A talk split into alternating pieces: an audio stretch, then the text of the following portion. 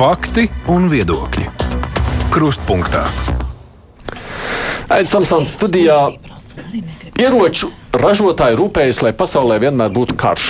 Es šo stereotipu atceros no vai, vēl vai. tiem laikiem, pirms bija sociālie mediji. Vispār to aktīvi savulaik uzturēja Padomju Savienība. Bet nu, šodien jāsacina, ka acīm redzot, lobbyiem nav pārāk veicies, jo tas negaidītais karš Ukrainā ir atklājis tādu kailu patiesību. Ieroču trūkst.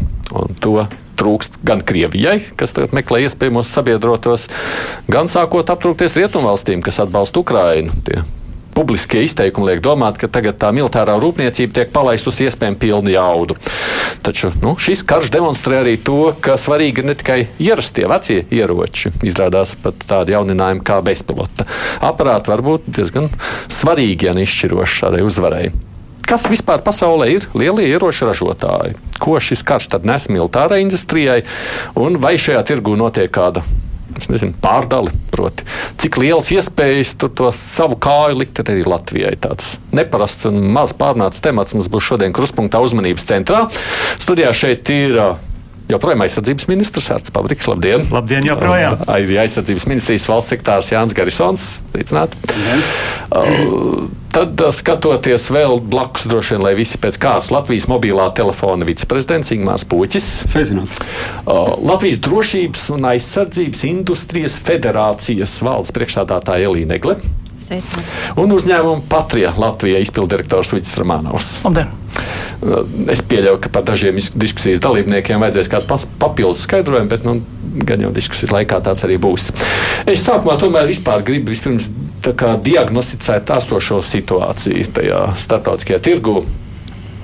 Ir tā, ka sakarā ar karu Ukrainā ieroču sāk pietrūkt, Pabrikungs?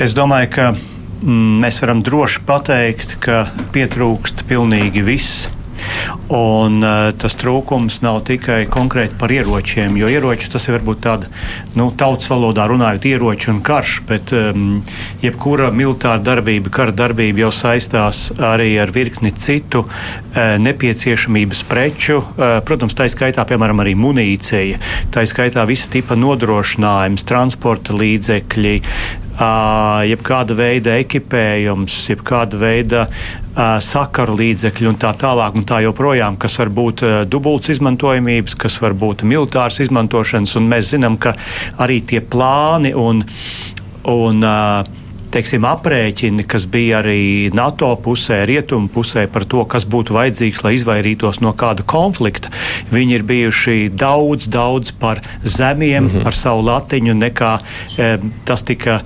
Nu, nekā būtība nosaka. Un tas nozīmē, ka šai mirklī arī um, jau militāro industriju ļoti grūti uzlikt atpakaļ uz sliedēm, jo pēc uh, augstā kara beigām, ja tā var teikt, um, daudzi noticēja uh, Fukujamas teiktajam, ka tagad iestājās totāla demokrātijas un liberālismu uzvara un vairs tāda konflikta nebūs.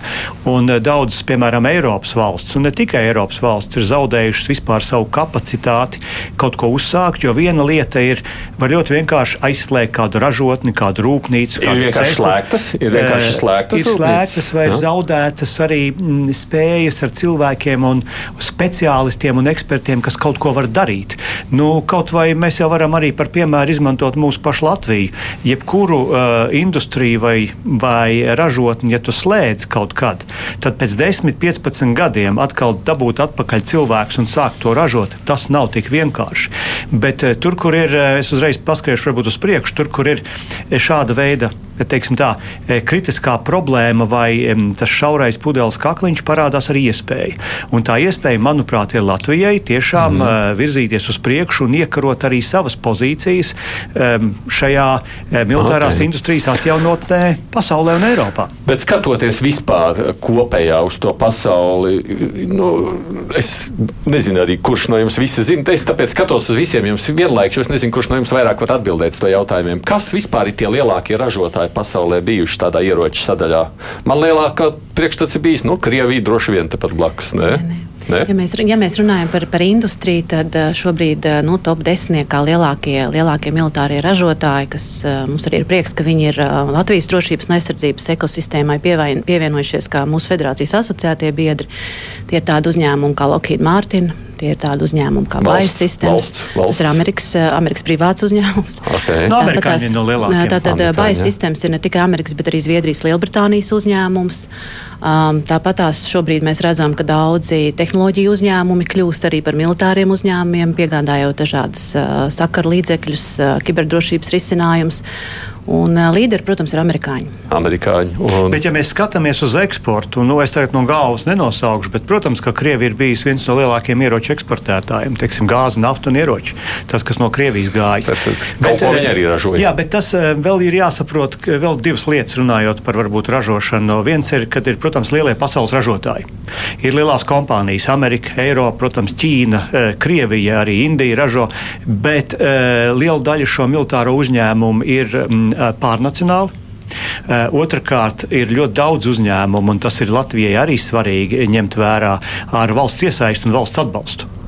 Ja mēs, piemēram, nu, skatītos atpakaļ Latvijas vēsturē, kaut vai par to pašu Irbītas izgudroto Kārļa Irbītas lidmašīnu, uh, tad, eh, ja nebūtu otrā pasaules kara, droši vien būtu šis pasūtījums no Latvijas aizsardzības nozares 42. gadā mums būtu savi iznīcinātāji. Tā kā ir valsts iesaiste, un bez valsts iesaistes ir ļoti grūti. Piemēram, Korejas ražotāji nu, un Turcijas ražotāji ļoti, ļoti spēcīgas industrijas šajās valstīs ir. Uh, un, uh, protams, kad nāk klāt tagad inovatīvie ražotāji, kas arī ir tādi, kas uh, domā par mūsdienu tehnoloģijām. Jā, tā, tā noteikti ar parunāsim, Karsankungs. Jā, nu, es gribēju varbūt uh, iezīmēt, manuprāt, divi līdzekļi līmeņi, kad mēs runājam par militāro industriju. Viens ir tas inovatīvais līmenis, kad rada uh, šos jaunos produktus, ko mēs redzam arī Jā. tagad, kas ir no. Ukrainā, kas faktiski ņem virsroku pār vecajiem krievu ražotājiem, padomju ražotājiem. Un, protams, ka visi raugās tie, kas, tie, kas labi sevi parādīs, tie arī patiesībā tiks pirkti pēc tam, jo tas ir tāds nu, testēšanas, testēšanas vide. Nu, šeit mēs saprotam kaut kaut kādu šādu vārdu kā Himārs Salvienu Tieši jā, tā. Jā, nu. Un, uh, un šī ir tā, uh, teiksim, nu, kas visu laiku ir jāattīsta, kur ir inovācijas, mm -hmm. bet tad ir segments, kas ir faktiski nu, tāds, uh, teiksim, produkti, kuri jāražo vienkārši. Tās ir munīcija, tie ir lielgabali un daudz citas lietas. Un, un tās nu, ir vienkārši vajadzīgas apjomos. Nu, nē, nu, tieši tā. Tās ir tādas, nu, tās bāzes lietas, kas ir kritiskas, bet viņas faktiski mēs redzam tagad, ka ir šausmīgi grūti celt to ražošanas jaudu. Jo tur ir, jo tā pati munīcija Ukrainā tiek patērēta tādos daudzumos, kādos neviens vispār nav pieņēmis. Pat nav plānos, nevienam tā bijis domāts, ka tāda daudzuma dienā var tikt iztērēta. Mm. Un, protams, ka neviena industrija nav spējīga pašlaik uh, ražošanas kapacitāti celt.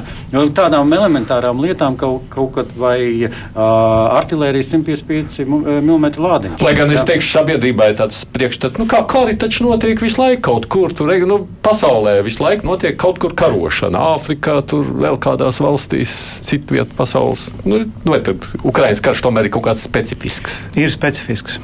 Jā. Ar savu apjomu un drīzāk manā. Nu, Es negribu atbildēt visu vārdā, bet mans viedoklis ir, ka e, šis karš vairāk tiešām atgādina tādu pilna apjoma karu, pagaidām, protams, ierobežotā apjomā, jā, kas drīzāk līdzinātos tam, ko mēs esam vēsturē šeit Eiropā pieredzējuši.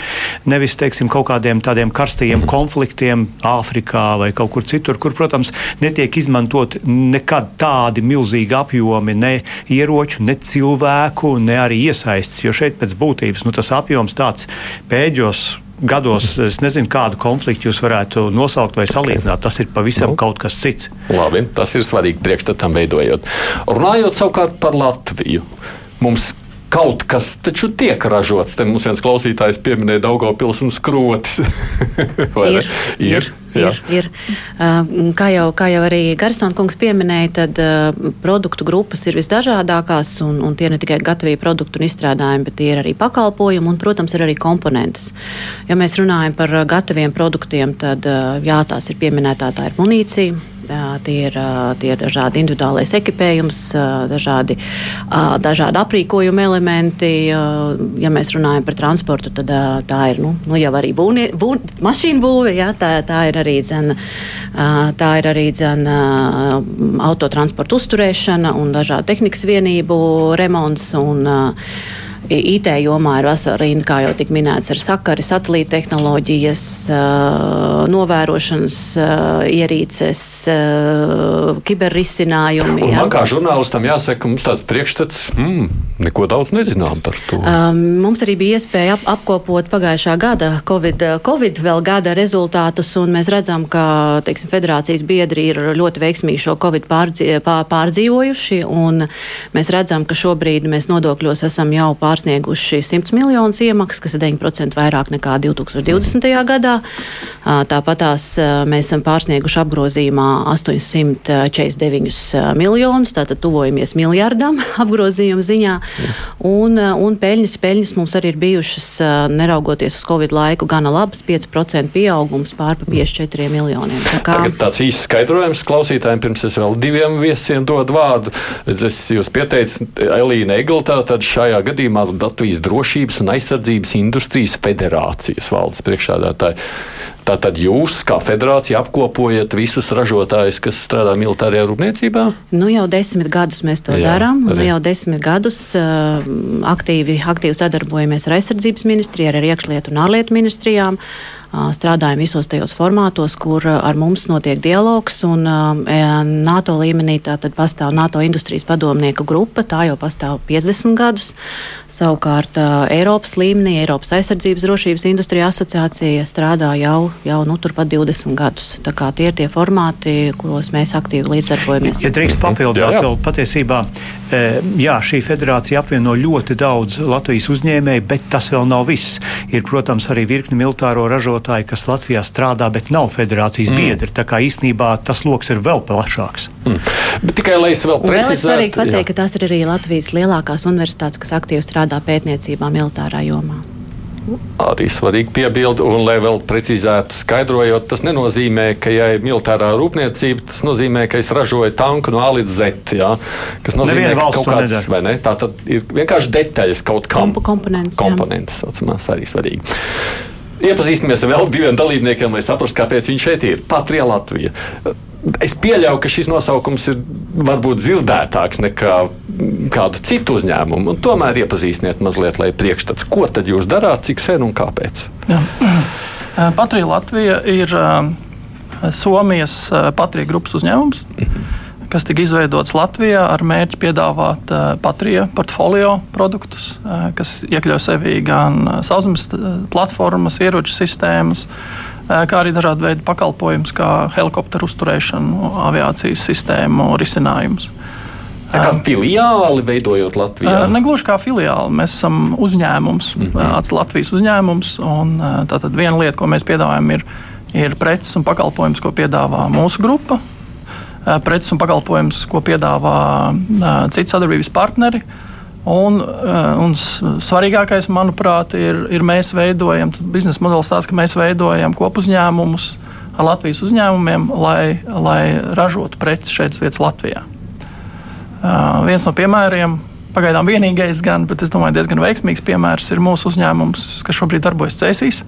Uzņēmums saucās SIA Defense Partnership Latvija. Uh, Šis kopuzņēmums, kas pieder Patrija Latvija un vietējam uzņēmumam Unitrak.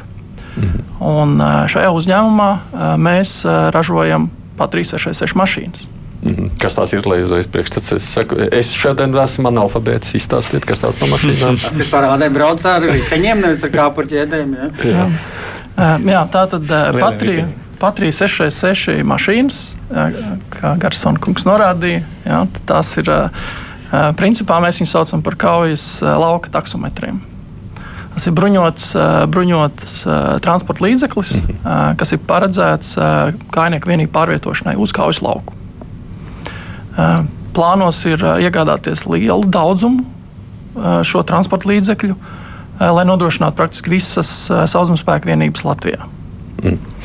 Tad, šobrīd Latvijā mūsu uzņēmumā mēs veicam daļēju mašīnu komplektēšanu, kas no kopējā ražošanas apjoma apmēram ir 20%, ko mēs darām Latvijā.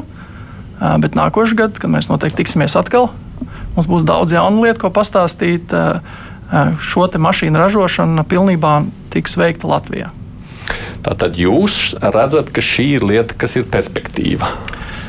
Šī lieta ir perspektīva. Līgumā paredzēta līgums jāizpilda. Līgums ir viena lieta. Līgums jau ir jā. tad, kad jau ir perspektīva, perspektīva ieraudzīta. Visā pasaulē perspektīva, ne tikai Latvijā. Tieši tā, jo, jo, jo šis ir starptautisks projekts. Um, Un nedaudz plašāk varbūt es pastāstīšu konkrēti par to, ko Latvija dara šī mm -hmm. projekta ietvaros. Jā. Pirmkārt, šis projekts tika uh, radīts uh, starpvalstu līmenī starp Latviju un Somiju. Projektam šobrīd pies, pieslēdzās arī citas valstis. Zviedrija ir pieteiksies, un, un drīz būs paziņojums arī par citām lielām Eiropas valstīm, kas izrāda interesi pies, pies, pieslēgties šim projektam. Tātad uh, uh, Latvijā notiek vairāk nekā tikai mašīnu komplektēšana. Latvijā ir izveidots uh, tā saucamais patrija klasters, tā mēs viņu saucam. Tas ir ne, neinstitucionalizēts uh, uzņēmumu kopums, uh, kas sadarbojas uz savstarpēji noslēgta līguma pamata ar mērķi, ar mērķi ražot mašīnas. Tātad mūsu uzņēmumā Defense Partnership Latvija mēs komplektējam mašīnas, bet mašīnu komponentes primāri tās, kas ir no metāla, tās tiek radītas Latvijas uzņēmumos. Mm. Tātad mums šobrīd mūsu klasterī, kas ražo komponentes, primāri metāla komponentes, Patrijas 606 mašīnām ir seši uzņēmumi. Tuvākajā laikā vēl divi pievienosies. Un šie uzņēmumi loka, griež, metina patrīs 6x6 komponentes. Tajā skaitā korpusu, lūku vākus un tā tālāk. Dažāda veida, dažāda veida lielākas, mazākas komponentes. Tātad, ko tas nozīmē priekš Latvijas? Mēs palielinām piegāžu drošības īpatsvaru tieši šo mašīnu ražošanai un uzturēšanai Latvijā. Tas nozīmē, ka krīzes situācijā mēs esam mazāk atkarīgi no no oriģināla ekipējuma ražoš, ražotāja, kas ir Somijā. -hmm. un, un vienlaicīgi šie uzņēmumi, kas ir iesaistīti Patrija klasterī, ražo šīs komponentes ne tikai Latvijas, Latvijas mm. mašīnām, bet tām mašīnām, kas tiks pārdotas Somijai, tām mm. mašīnām, kas tiks pārdotas Zviedrijā. Un papildu tam, ņemot vērā lielisko sadarbību ar mūsu uzņēmumiem, šie paši uzņēmumi tiek iesaistīti arī citu projektu īstenošanā. Kā piemēram, viens no mūsu lielākajiem partneriem, EMJ Metāls, Viņi loka griež korpusa detaļas, un sākot ar nākošo gadu jau viņas metinās. Praktiski viss korpus tiks radīts Latvijā.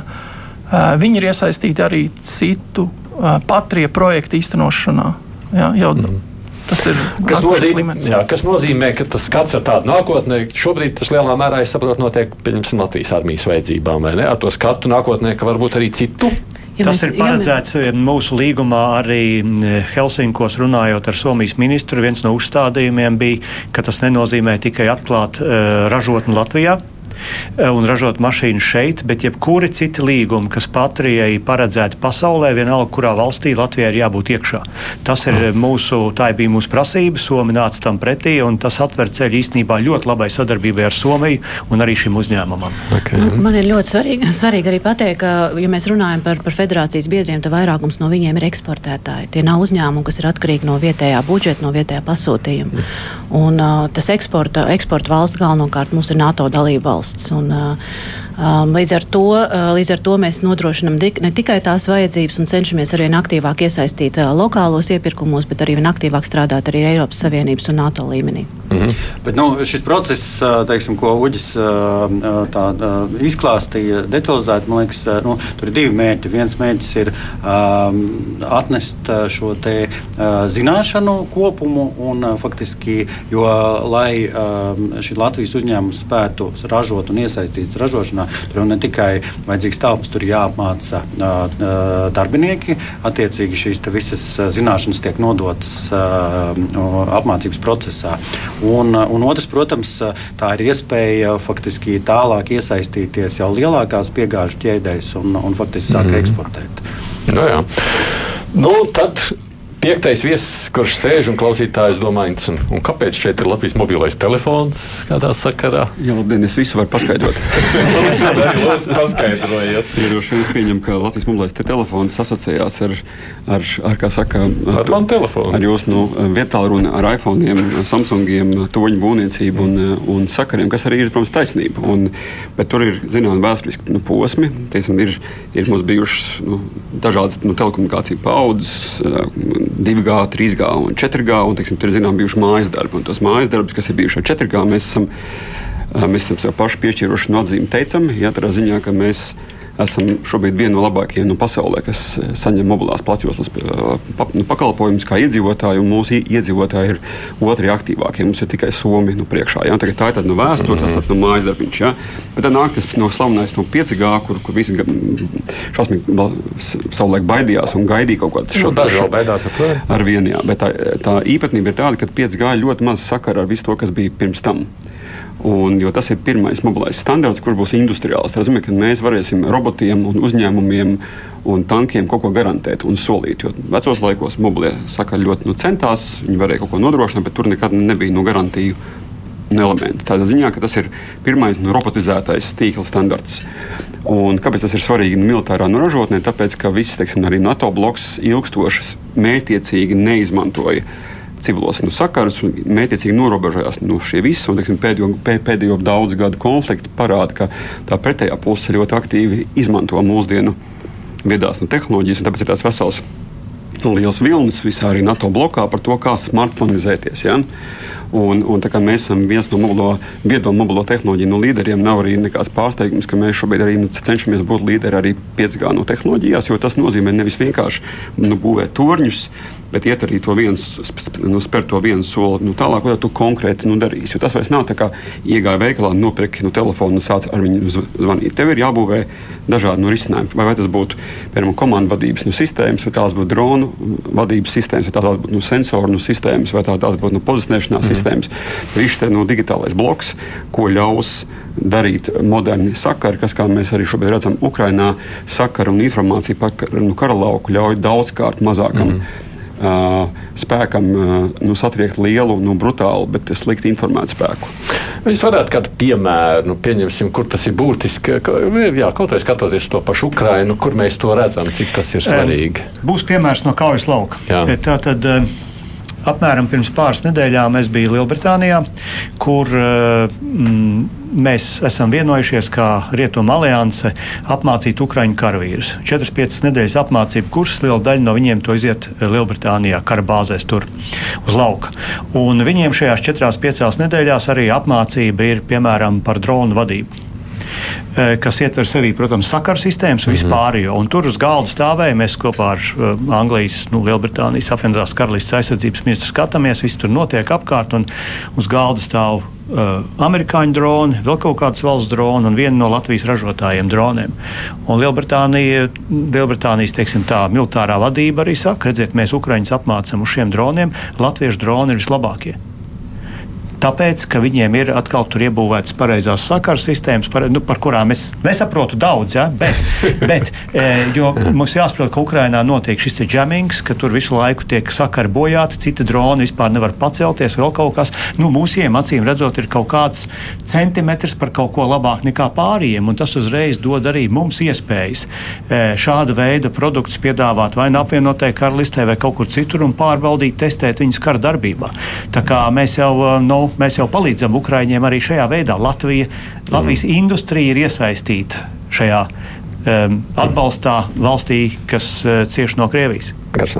Jā, nu, šis bija liekas, droni, tas, kur mēs varam lielīties. Patiesībā mm. maz cilvēku zina, bet mēs esam liekas, nonākuši tādā pasaules līmenī, kur mūsu ražotājiem. Mēs tikai zinām par Turcijas un Irānas droniem. Nē, nu, redz, mums laikam pieklabo, kā saka, komunikācija parasti. Ja? Bet patiesībā, nu, liekas, viens no rādītājiem bija tāds, ka mūsu um, kopīgi izstrādātais drons Pingvīns atradās Maskavā. Um, trofeju, trofeju izstādē blakus Bairaktāram. Ar Latvijas karogu. Ar Latvijas karogu, jā. Tā kā, bet, lai mēs to nonāktu līdz šim dronam, bija aptuveni trīs gadu periods, kad NBS kopā ar ražotāju testēja. Ražotājs attiecīgi akceptēja un izstrādāja to dronu tādā veidā, kā NBS to lūdza un faktiski iegūstot ļoti labu taktiski un operacionāli dronu, kas ir tagad arī reālos kaujas apstākļos pierāda un, sevi kā ļoti augstas kvalitātes. Nu, protams, tas ir cits segments, bet nu, nekā Bairaktārs. Bet, nu, tas ir segments, kas mums ir ļoti būtisks. Un, tas, kas no šī visa izriet, nu, nekādu militāro preci nevar radīt, diemžēl, teiksim, civils uzņēmums, kuram nav nekāda saikne ar bruņotiem spēkiem. Tā. Tādēļ ir svarīgi, un ko mēs arī esam faktiski pēdējo gadu laikā izveidojuši šo sistēmu, sākot no inovācijām. Pagājušā nedēļa bija. Pastāstiet inov... par šo sistēmu. Man liekas, pats par sevi diezgan svarīga lieta. Un, jā, pieci, un, lai, Jānis izstāsta. Nu, tā, vis, jo mēs esam sākuši veidot šos makatonus, kas jau otrais notika mm -hmm. pagājušajā nedēļā, kur mēs faktiski redzam šīs idejas. Nu, Tad, nu, ideja vētra, lai klausītājs saprastu. Nē, nu, tā nav tikai ideja vētra. Viņiem jāsan, jāatnes divu dienu laikā, divu naktu, diennaktu šo laiku. Kā, faktiski viņiem jāatnes produkts, jāparāda ah, kaut kas. Jā. Ne tikai idejas, bet uzņēmējiem, ja? nu, kas kaut ko nu, mēģina izdomāt. Komandas izveidotas. Jā, jā, jā. Uh, un tālāk tad ir granti, ko mēs katru gadu arī uh, piešķiram. Faktiski mēs aicinām pieteikties, un katru gadu mēs aptuveni 400 tūkstošus dodam uh, finansējumu uh, projektiem, inovatīviem projektiem. Faktiski... Tad, kad budžetā notiek kaujas par to, kā atbalstīt Latvijas zinātnu inovācijas, tad aizsardzības nozara un ministrija tā, kas to pagaidām dara, kamēr pārējie karo nu, iekšēji ar papīru. Jā, un tad uh, faktiski arī caur šiem grantiem, kas ir būtiski, tas nav tikai finansējums, bet tas ir arī tiesības izmantot uh, bruņoto spēku poligonus testēšanai un uh, arī kopumā uh, faktiski nonākt kontaktā ar bruņotajiem spēkiem. Jo tur ir nu, jāievēro tomēr Jā. arī zināms uh, informācijas ierobežota. Tur bija arī vesela kauja ar knābu, kurš, protams, uh, negribēja ļaut, uh, jo tā ir valsts manta poligons. Uh, saka, valsts mantas izmantošana uh, nav tik vienkārša mhm. mūsu apstākļos. Bet uh, mēs to atrisinājām. Tālāk ir līgumi par pētniecību un attīstību, faktiski, kur mēs slēdzam jau par produktu pilnveidošanu. Un viens no šiem droniem bija šāds līgums. Faktiski. Un tad, nu, un, attiecīgi, līdz pat ražošanas līgumiem. Tā kā, nu, mēs faktiski esam izveidojuši šādu sistēmu, kur mēs, ah, jā, pēdējais ir, mēs izveidojuši arī aizsardzības un tehnoloģiju inovāciju centru pie jā. Nacionālās akadēmijas, kas faktiski arī uh, tu, uh, uztur šo saiti ar uh, komersantiem un attiecīgi caur šo tiek arī testēti šie produkti un idejas jaunas un, protams, NBS vajadzības. Jā. Cik liela interese no, no, no, no tādiem vēlmēm vēlmes piedalīties ir šādās? Ir, ir ļoti liela, un mēs esam ļoti gandrīti, ka mums ir šāda programma. Nu, jau jāsaka, piektais gads jau drīz būs. Un, Jā. Un, nu, nu, teiksim, tas, tas, mēs, mēs cenšamies katrā gadījumā visus uzņēmējus iedrošināt ar, ar to sākt. Jo, kā jau, kā jau arī Garsona te, kungs teica, ka nu, bez sadarbības ar, ar lietotāju tādas lietas izstrādāt nevar. Un, Bet viņi tā kā paši nāk. Viņi paši meklēt, nāk, ir jā, gan jūs... aktīvi. Es, mēs redzam, ka nu, kaut kur vidējais skaits, kas pēdējos gados mums ir šo pie, šie pie, pieteikumi ir iesniegti ar kaut kādiem 30 pāri uzņēmumiem. Jā, mm -hmm. kā, protams, ka bez, bez zīļu stāvokļa rādīšanas tie ozoli nebūs. Un, uh, vēl varbūt man gribējās pie tiem labiem darbiem piemetināt arī, arī to, ka tie zinātnieki jau nav aiz, aizmirsti. Mums ir arī uh, valsts aizsardzības pētījuma programma, un uh, arī tur zinātnieki strādā pie tām lietām, uh, ko NBS ir, ir lūguši aizsardzības ministrijai papētīt ar, ar zinātniekiem tālāk. Okay. Jā, es varbūt gribētu protams. izcelt arī vienu tādu nu, būtisku piemēru. Mēs bieži pārdzīvojam par to, ka mēs esam nu, maziņi. Ja? Tur maziņi viņi pārējie lieli un tādā garā. Bet tas mūsu mazais izmērs arī šajā ziņā ir mūsu grandios priekšrocība, ko ir atzīmējuši arī daudzi mūsu gan, nu, rietumu, tieši no rietumu no partneri, ka tas ekosistēmas. Nu, ļoti mazais nu, tuvums, cik tuvu teiksim, ir industrija, cik tuvu ir no ministrija, cik tuvu ir nu, NBS, ļauj mums uh, sasniegt ļoti lielu, lielu tempu tieši tajās nu, inovācijās. Kas, teiksim, mūsu, piemēram, mums nu, palīdz, mēs šobrīd uh, nu, esam Eiropas pirmais piektās paudzes uh, tak, nu, taktisko pētījumu uh, poligons, kas ir, tad, ir uzbūvēts Nādažos. Tas, tas bija tieši, vienīgais Eiropā. Jā, kas bija spilgts mm. piemērs tam tieši tai nu, sadarbībai gan starp NBS un nu, ministriju un, un industriju. Un to arī teica mūsu arī no amerikāņu partneri, ka vēl vienīgā vieta, kur viņi tik intensīvi, saka, tik cieši un sadarbība ir redzējuši, tā ir nu, Koreja, kur tas nāk bišķiņ citā veidā, tas nāk no augšas, tur, kā saka, no, nu, nonāk signāls, jā, un viņi tur kooperējās, bet, teiksim, tajā pašā no Amerikā tas ir daudz grūtāk. Tās nu, industrija nu, grandiozi, ministrija grandiozi, tie izmēri milzīgi, temps ir daudzkārt nu, zemāks. Tas ātrums, ko varam izdarīt mēs, ja mēs gribam, ir vislielākais. Ja drīkst vēl piebilst arī par mūsu aizsardzības nozari. Redziet, mums Latvijā ir pierasts diezgan bieži pateikt, nu kaimiņi tur var un mēs kaut kā atpaliekam. Pašlaik, kamēr mēs runājam, vakar šodien Latvijā notiek arī konference par ģeotelpisko mērījumu pielietošanu, principā par kartēm. Un mūsu aģentūra, kas ir aizsardzības nozares aģentūra, Viņa patiesībā rada produktu, kas ir viens no labākajiem Eiropā un noteikti labāks nekā Igaunijā un Lietuvā. Un mēs, e, protams, redzam šeit arī ļoti lielu pielietojumu gan saistībā ar jaunu tehnoloģiju izmantošanu, gan arī praktiskā, nu, teiksim, kara darbībā, jo tev vajag labas kartes, kuras var būt gan uz papīra, gan digitalizētas, var tikt izmantotas. Latvija šeit ir pirmā vadošā valsts. Un, eh, protams, ka nu, bieži cilvēkiem varbūt to ir grūti noticēt, ka mēs šeit varam būt pirmie, bet mēs esam.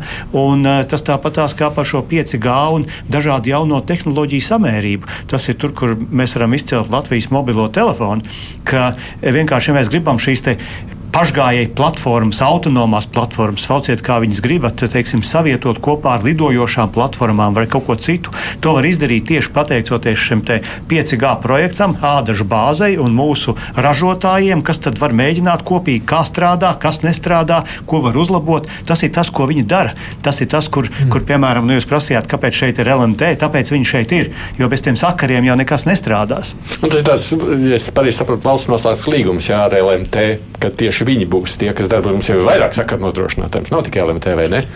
Mums šobrīd ir, mēs ar valsts esam noslēguši R&D līgumu. Jā, tādā ziņā mēs arī no savas puses līdzfinansējam šo, un mēs arī daudzus gadus esam. Pētniecības un attīstības līgums. Jā, jā, jā. Latviski, jā.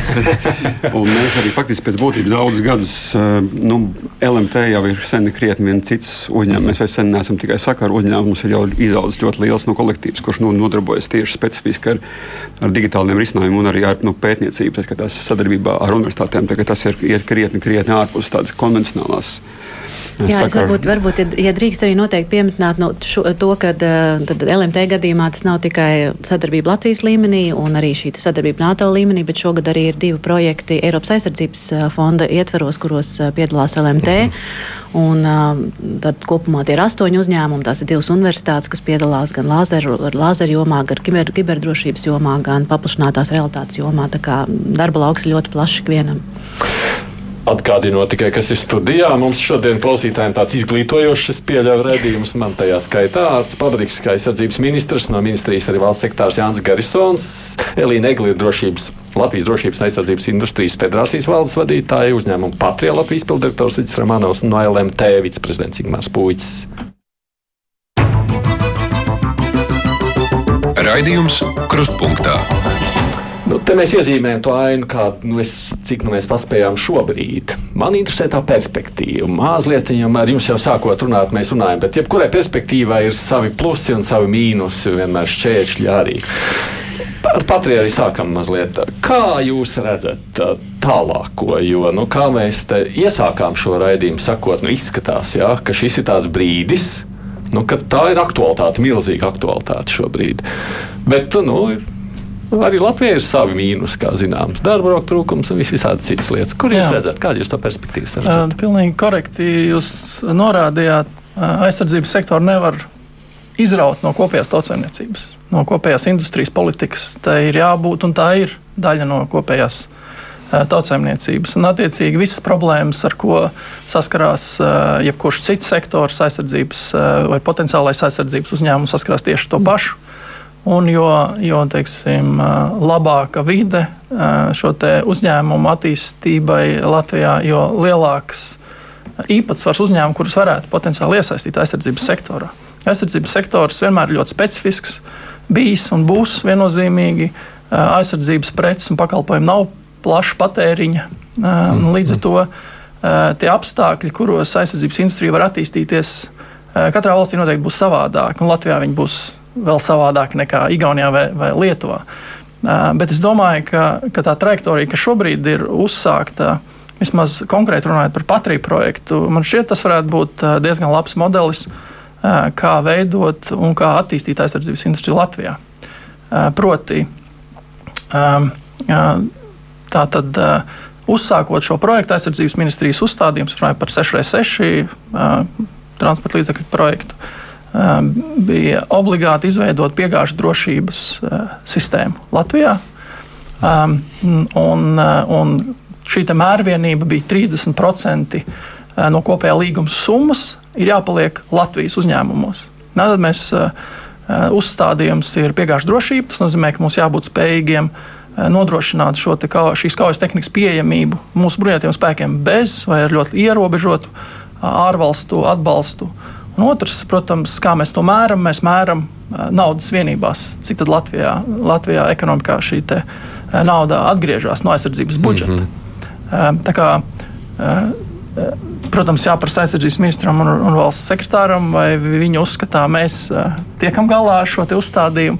Es personīgi uzskatu, ka mēs tiekam. Ja mēs paskatāmies arī mērāmos, mērāmās vienībās, cik šobrīd šis projekts, kas tika uzsākts praktiski pagājušajā gadā, ir atgriezies ekonomikā, tad pirmā lieta ir, ir komersantu investīcijas ja, lai iesaistītos piegāžu ķēdē kopā ar Patriju un ražotu šos te, komponentus bruņtransportieriem. Uh, šīs investīcijas mēs tādas, pēc tādām pavisam rupjām aplēsēm ir aptuveni 4 miljoni. Šobrīd jau iegādātos iekārtas, apmācītu personāla sastāvu. Otra lieta ir jaunas darba vietas. Arī pēc pavisam tādas lielos vilcienos veikts aplēses. Mēs runājam par vairāk kā 30 darbvietām jau šobrīd, kas ir radītas no jauna tikai šī projekta ietvaros un plus pasūtījumi no Patrijas, kas ir veikti vietējiem uzņēmumiem. Kopējā summa pārsniedz šobrīd 10 miljonus. Tātad 3 miljoni pasūtījumu jau ir izpildīti, un 7 miljoni pasūtījumu jau ir veikti. Un, un šie pasūtījumu skaits aug ar geometrisku progresiju. Praktiski Latvijas uzņēmumi diemžēl netiek galā ar pasūtījumiem, jo, jo apjomi mm -hmm. aug ļoti, ļoti lielāk. Kādu jūs redzat perspektīvu? Nu, pieņemsim, pēc gadiem 510. Pēc pieciem, desmit gadiem, es domāju, ja mēs turpinām apmēram šādā pat virzienā darboties, Latvijas aizsardzības industrijai būs būt. Jo, jo nedaudz kā, precizējot par to, kas ir Latvijas aizsardzības industrija šobrīd, viennozīmīgi to nevar attiecināt tikai uz federācijas biedriem. Federācijā ir, ir daudz uzņēmumi, kas redz savu lomu aizsardzībā vai cer uh, iesaistīties aizsardzības projektu īstenošanā. Bet aizsardzības industrija kā tāda tieši priekš Latvijas, es domāju, tā ir vērsta primāri uz, uh, uz aizsardzības sektora spēju papildināšanu. Mm. Uz piegāžu drošību nodrošināšanu, un kā blakus efekts, protams, ir, ir uh, ekonomiski iegūmi. Uh, ja mēs turpinām šādu politiku, ko aizsardzības ministrija šobrīd ir uzstādījusi, rāda tātad uh, caur šiem lielajiem projektiem, kurus viņi kontrolē galu galā. Uh, uh, uzstāja or, oriģināliem ekipējuma ražotājiem, kas ir lielākoties to, ko Elīna minēja, starptautiski Amerikas un, un, un Eiropas uzņēmumi, uh, veidot šo piegāžu drošības modeli, iesaistīt vietējos uzņēmumus uh, piegāžu ķēdēs, nodrošināt tehnoloģiju transferu. Uh, papildu tam, uh, zinu, ka notiek darbs pie aizsardzības industrijas likuma arī, kas radīs šo miedarbību starp aizsardzības ministriju un, un komersantiem, radīs šo vidi labvēlīgo. Šo kompetenci, kas tiek iegūtas caur šādiem projektiem, saglabāšanu. Es domāju, ka mēs esam ļoti labā starta pozīcijā. Mm. Ja, ja drīkst, visi jūs. Es, man liekas, runāt par nākotni, izrādāt divus virzienus. Viens virziens ir tās, es teiktu, kritiskās NBS vajadzības, kas ir munīcija, tās lietas, kas ir daudz tiek lietotas. Jo, mm nu, kas būs vajadzīgs vienmēr? Jā, vienmēr, un kas daudz. būs vajadzīgs daudz. Jo mēs mm -hmm. paskatāmies, vienīgi atkal, nu, mēs vienmēr piesaucam vienu valsti, tad daudz, tā ir Somija. Jo vienīgā, kas ir saglabājusi munīciju, munīcijas pulvera ražotni ar visus šos gadus, kad daudzas valstis iznīcināja, bija Somija. Jo, jo viņi bija do, domājuši par piegāžu drošību, kā viņi nodrošināt savus bruņotos spēkus. Man liekas, šis ir viens virziens gan ražošana, gan arī visa ekipējuma uzturēšana būtiski, ka to mēs spējam paši izdarīt. Otrs virziens ir šo mūsu līdz šim politiku pa 30%, kas mēs prasām lielajiem. Man liekas, mums būtu jāpaceļ jau tādā jaunā, jaunā plāksnē, kas būtu, ka mēs zināšanas esam ieguvuši un mēs arvien vairāk paši varam darīt. Un tas, man liekas, būtu tas, ko mēs gan tajos projektos, kas ar LMT vai arī droniem un citās, kas mums būtu nu, teiksim, nākotnes mērķis panākt to, ka mēs paši arī varam daudz vairāk darīt. Ne tikai mēs paņemam no lielajiem. Mm. Kas attiecās uz militāro industriju, man piemēram, nu kā neprofesionālim industrijā, tomēr skatoties ar patriju prizmu, tad, kad mums bija šīs uh, sarunas ar Somijas vadību, valdību un arī ar Patrijas vadību, tad runājot par šīm konkrētajām bruņu mašīnām, viņi redzēja perspektīvu šai ražotnē 30, 40 gadi, jo tas ir jauns modelis. Tas nozīmē, ka pēc būtības, ja mēs saglabājam šo politisko atbalstu Latvijas industrijai, ja mēs saglabājam šo te, no, nu, sasaisti, tad eh, tā perspektīva izaugsmē pašlaik nu, ir eh, dramatiski liela priekš šī konkrētā uzņēmuma un projekta. Un, protams, tas rāda piemēru arī citiem uzņēmumiem Latvijā un citur. Un te mēs nonākam, protams, pie politikas, jo paši saprotiet, starptautiskās politikas. Ja? Jo jūs paši saprotat, ka tā konkurence jau ir milzīga un liela, un mēs esam maza valsts. Un tas nozīmē, ka ja mēs, tā, mums ir jāuztur pirmām kārtām šis attīstības temps. Jo pasaule negaida. Vispār mm. arī mostās un saprot, ka ir iekavētas lietas un jāiet uz priekšu. Mums ir jāuztur temps, mums ir jāiespiežās tajā starptautiskajā nišā, un mums kā valstī ir jābūt spējīgai lobēt un aizstāvēt mūsu industriālās intereses. Jo arī Somijā runājot, es neslēpšu, Somijā runājot ar, ar viņu pārstāvjiem eh, pirms šī līguma slēgšanas, nu, viņi eh, teica, ka nu, Latvijas puse ir bijusi ļoti uzstājīga, ļoti stingra, jo šeit jau uh, viens ir draudzība. Jā, mēs esam visi kaimiņi, mēs esam sabiedrotie un uz papīra jau viss ir labi. Bet reālajā dzīvē ļoti daudzām valstīm jau pašiem interesē sava industrija. Viņi ir priecīgi, lai viņu uzņēmēji šeit atbrauktu, mēs no viņiem nopirktu, un pēc tam pie viņiem remontētu, labotu, un viss nauda aizietu tur, vienalga kur. Savukārt tas nav Latvijas interesēs, un par tām interesēm ir ļoti stingri jāiestājas, un tas ir jādara straujos tempos, jo laiks negaida. Mums ir vienreizēja iespēja devis šis konflikts, es atvainojos ja, par to problēmas izvirzījumu šādā veidā, kurš mums ir maksimāli jāizmanto. Par politiku, jā, tur būs jārunā atsevišķi un citur par perspektīvām. Jā, es, es, es, es varbūt runājot par perspektīvu, tad um, pirmām kārtām, protams, pieminētie visdažādākie produktu pakalpojumu virzieni, un uh, principā mēs to definējam kā industriālās bāzes attīstīšanu šeit uz vietas. Un šajā jomā, protams, ka izaicinājumi ir gana daudz. Ja pieminētie, protams, darba spēka iz, izaicinājumi šonadēļ tāpat tās gan daudz saņem arī zvans no uzņēmumiem, kas saka, mēs ņemtu vēl kādus projektus, bet mēs diemžēl nevaram, jo mums nav cilvēku. Tas ir, tas ir fakts. Uh, protams, ka jautājums, pie kura mums ir dziļāk jāpiesēžās, tas ir jautājums par izēvielu pieejamību gan uh, šajā brīdī, gan arī skatoties ilgtermiņā un saprotot, ka uh, Ukrainai uzvarot, mums Ukraina būs jābūvē no jauna. Tas nozīmē, ka izēvielu pieejamība sāsināsies vēl vairāk, un te ir jādomā, kā tās lietas, ko Latvijā nacionālā līmenī mēs esam iecerējuši, kā mēs viņus tomēr realizējam, apzinoties šo izēvielu pieejamības risku. Te ir gan jautājums par materiālām rezervēm vai izēvielu rezervēm, kā, kā mēs viņus uzturam, cik daudz pie biznesa, cik daudz uh, valsts pusē. Tās ir visas tās debats, kas varbūt ir uh, nākamo, nākamo gadu priekšā. Uh, otrs jautājums, protams, pārobežu sadarbība, un tā ir sadarbība visciešāk uh, mērā šobrīd notiek Eiropas Savienības līmenī. Tad ir ļoti daudz iniciatīvas, ko ievieš Eiropas komisija un arī finanšu instrumenti, kas ir pieejami gan industrijai, gan pētniecībai. Tur mums nevajadzētu gulēt, tāpēc, ka principā tas ir vien vairāk izskatās pēc inovatīvā iepirkuma, tas nozīmē, ka nākotnē tiks iegādāts uh, preces un produkti no tiem konsorcijiem, kas ir cītīgi pie viņiem strādājuši, mhm. lai šos mhm. produktus izstrādātu atbilstoši lietotāju vajadzībām. Uh, trešā lieta ir, uh, nu, arvien vairāk mums strādā tādā triple helix modelī, kur gan industrija, gan aizsardzības ministrija, bruņotiem spēkiem, gan arī zinātnieki piedalās kopā pie šīs izstrādes, jo varbūt šobrīd vairāk ir teiksim, tāda divpusēja sadarbība industrija ar zinātni, ministrija ar, ar zinātni, bet mums būtu jāiet tādā, nu, tādā jau tādā labākā sazobē pa konkrētiem virzieniem, kas ir svarīgi mūsu armijai. Nu, arī tas viss ir tādā politiskā līmenī lemjams jautājums. Nu, ja ir, liekas, ka, es domāju, ka mēs ikdienā to ļoti praktiski darām. Mēs, mēs jau to ļoti praktiski darām un, un, un reaģējam uz to, kas, kas, ir, kas ir nepieciešams, kas ir pieprasīts. Ja? Ceturtā lieta, protams, ir viss, kas ir saistīts ar integrāciju NATO spēju attīstībā, jo nu, tur ir viss lielais šis te tehnoloģiju spektrs, kuram mēs arī nedaudz pieskārāmies, tā skaitā 5G kontekstā.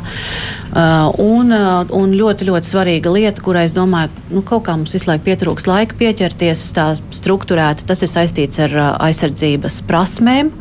Tātad attīstīt, kā mūsu cilvēki spēj ar šīm tehnoloģijām ilgtermiņā strādāt un attīstīt. Un tas ir gan industrijas pusē, šīs aizsardzības prasmes attīstīt, gan arī armijas pusē. Es varbūt vairāk teiktu, nu, nepazaudēt, jo tad, kad cilvēki atvaļinās, ja, tad mums ir ļoti svarīgi, lai šie cilvēki paliek nu, kaut kur tomēr sazobē vismaz arī industrija. Jā.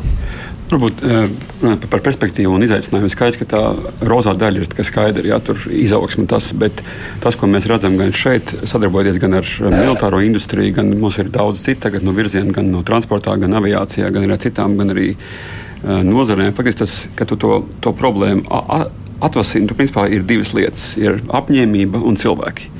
Jā, es gribēju teikt, ka tas apņēmības koeficients pēdējā laikā mums ir nu, pietiekami nu, augsts. Sevišķi man tiešām ir jāizceļ aizsardzības ministrijā. Laikam starp ministrijām es nezinu, kādu, kurš tik agresīvi aizstāvētu mūsu saka, nacionālās intereses tieši tādā ziņā. Nu, tautsēmniecības izpratnē, bet otra puse ir cilvēki. Un, faktiski, lai mēs runātu par nu, pusvadītājiem, kur mēs tikko arī nu, parakstījām no memoranda par pusvadītāju spēju attīstībai, nu, tikt tiktos ar mūsu farmācijas nozares nu, pārstāvjiem. Visur ir viena tā pati atbilde ir, iz, ir izglītība un cilvēku prasmes dabas zinātnēs, matemātikā, tehnoloģijās. Uh, faktiski uh, mums, nu, nav, mums ir cilvēku trūkums. Nē, pat ne tā, ka nē, mums nav tikai cilvēku trūkums. Vāja izglītība. Nu, jā, jā, mums jā, nav nu. arī vāja izglītība. Ir ļoti dažādi rādītāji. Līdz, līdz 4. klasē mūsu bērni ir labākie matemātikā e Eiropā. Bet tur, tur, ir, tur ir nianses. Ir ziņā, ka nav jau svarīgi, cik ir nu, cilvēki, bet svarīgi, kāda ir viņa dzīves nu, kvalitāte. Latvijas, Latvijas iedzīvotājs var radikāli palielināt savu dzīvi dzīves kvalitāti, ja viņš iemācās matemātiku. Un jebkurā no vecumā. Tam nav vecums, nav šķērslis. Šobrīd mums vislielākā daļa neizglītoto cilvēku ir vecumā pēc 20. Tāpēc arī vesela mums no debata arī ar izglītības ministrijā arī par mūža izglītību. Jo pēc būtības ir jāpārkvalificējās un kaut kas ir jā, nu, jāmāk darīt tehnoloģisks un viss, kas kaut ko mācīs, vai tā būs nu, farmācija, vai militārā nozare, vai sakaru nozare, vai, vai IT nozare, visiem būs nu, darbs un visiem būs liels. Tas nozīmē, pieņemsim, man ir bērns, viens, kuram ir piedodiet, tādu privāto, kuram ļoti, nu, kuram matemātika paveic, viņš brauc uz Olimpiādu olimpiādēm un kuram ļoti interesē aizsardzības joma un IT. Izskatās, ka ir variants. Perspektīva ir. Skaidrs, vai ne? Bet skatoties tālāk tajā visā sadaļā, ja drīkst tomēr pašas beigas mazliet atgriežamies atpakaļ pie sākuma, pie tās starptautiskās situācijas. Vai tas nozīmē, ka kaut kā lūkojoties tepat uz blakus tādu Krieviju, nu, viņiem tā militārā ražošanas perspektīva, kā jūs redzat, Pabrikungs? Es domāju, ka mm, lielākā kļūda ir um, politiķiem, valstīm dzīvot vēlmju izteiksmē. Es e, svēti ticu, ka Krievija šo karu zaudēs. Bet tas nenozīmē, ka Krievija no kara un no kļūdām nemācās. Un tas arī nozīmē, ka Krievija būs apdraudējums Latvijai nākošos 5, 10 gadus. Un, protams, ka viņi e, ļoti arī trenējās un mācās arī no, no visām tām kļūdām, ko viņi redz Ukraiņas kara laukos, e, attiecībā arī par tehnoloģijām. Jautājums ir, protams, kā pēc šī kara, kad tas būs pēc pusgada, gada vai diviem gadiem, kāda viņiem būs sadarbība varbūt ar um, pārējām pasaules valstīm, kurām ir šīs inovācijas, kādas tehnoloģijas viņi spēs iegūt. Bet mums nevajag dzīvot ilūzijās, mums jārēķinās vienmēr ar tādu nu, sliktāko variantu, un vienlaikus mums ir maksimāli jāizdara viss, lai mēs paši attīstītu gan savu militāro industriju, gan ar militāro industriju kopā ejot arī vispār tautsēmniecību, kā teica arī Romanovska kungs. Jo es domāju, ka kas, kas mums ir viens no lielajiem izaicinājumiem Latvijas tautsēmniecībā, kas bremzēs mūsu militāro industriju, ir, protams, šīs izglītības nesalāgotība ar prasībām. Vienkārši jā, cilvēki vēl tur ir, bet tie cilvēki nav gatavi darīt to darbu, ko Patrijai, piemēram, vajag, vai kādam citam vajag. Otrs, protams, ko arī Elīnas kundze teica par šīm izaivielām, bet tā būs vienmēr mums kaut kāda problēma. Protams, ar jaunām tehnoloģijām, kur par mikročipiem vai pusvadītājiem, nu, tur, tur varbūt nav tāda apjoma, bet arī, lai bateriju ražot, mums vajag to metālu. Ja? Un, protams, ka mums, kā jebkurai valstī, kas ir attīstījusies, vēl divas lietas ir svarīgas, kuras mums ir jāsaprot. Mēs nedrīkstam to noliegt un pateikt, ka šeit ir brīvais tirgus. Valstī ir jāiesaistās ražošanā.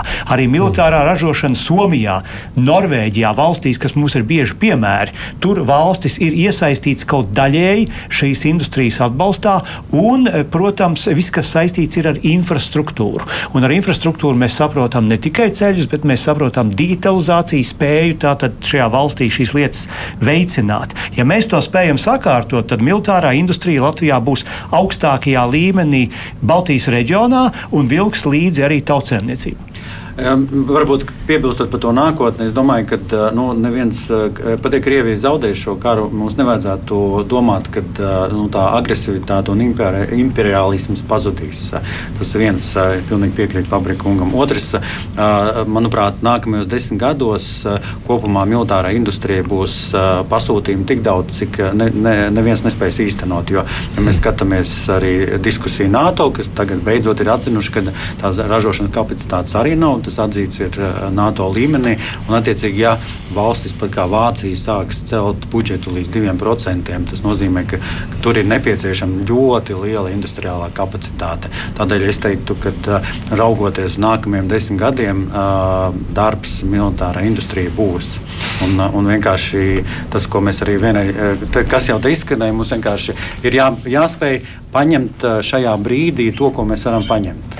Tā, es, es kāpēc mazliet beigās jautāju par šo Krieviju, kas nozīmē, ka tā, tā konkurence jau beig beigās nav tikai stāsts par rietumu valstu savstarpēju konkurenci, kur katrs grib savu ražošanu attīstīt. Tur jau tomēr nāks iekšā tajā pašā sadaļā Krievija Bet ar Krievu ražotājiem, protams, mūsu rūpniecības nesadarbosies ar Ķīnu. Jā, jā, jā. Nē, tā, es saprotu, jā, bet tādā ziņā, ka nu, bet, protams, tas spiediens jau būs arī no tās. Bet, nē, es, es ne. tomēr gribētu no. atgādināt, ko es teicu.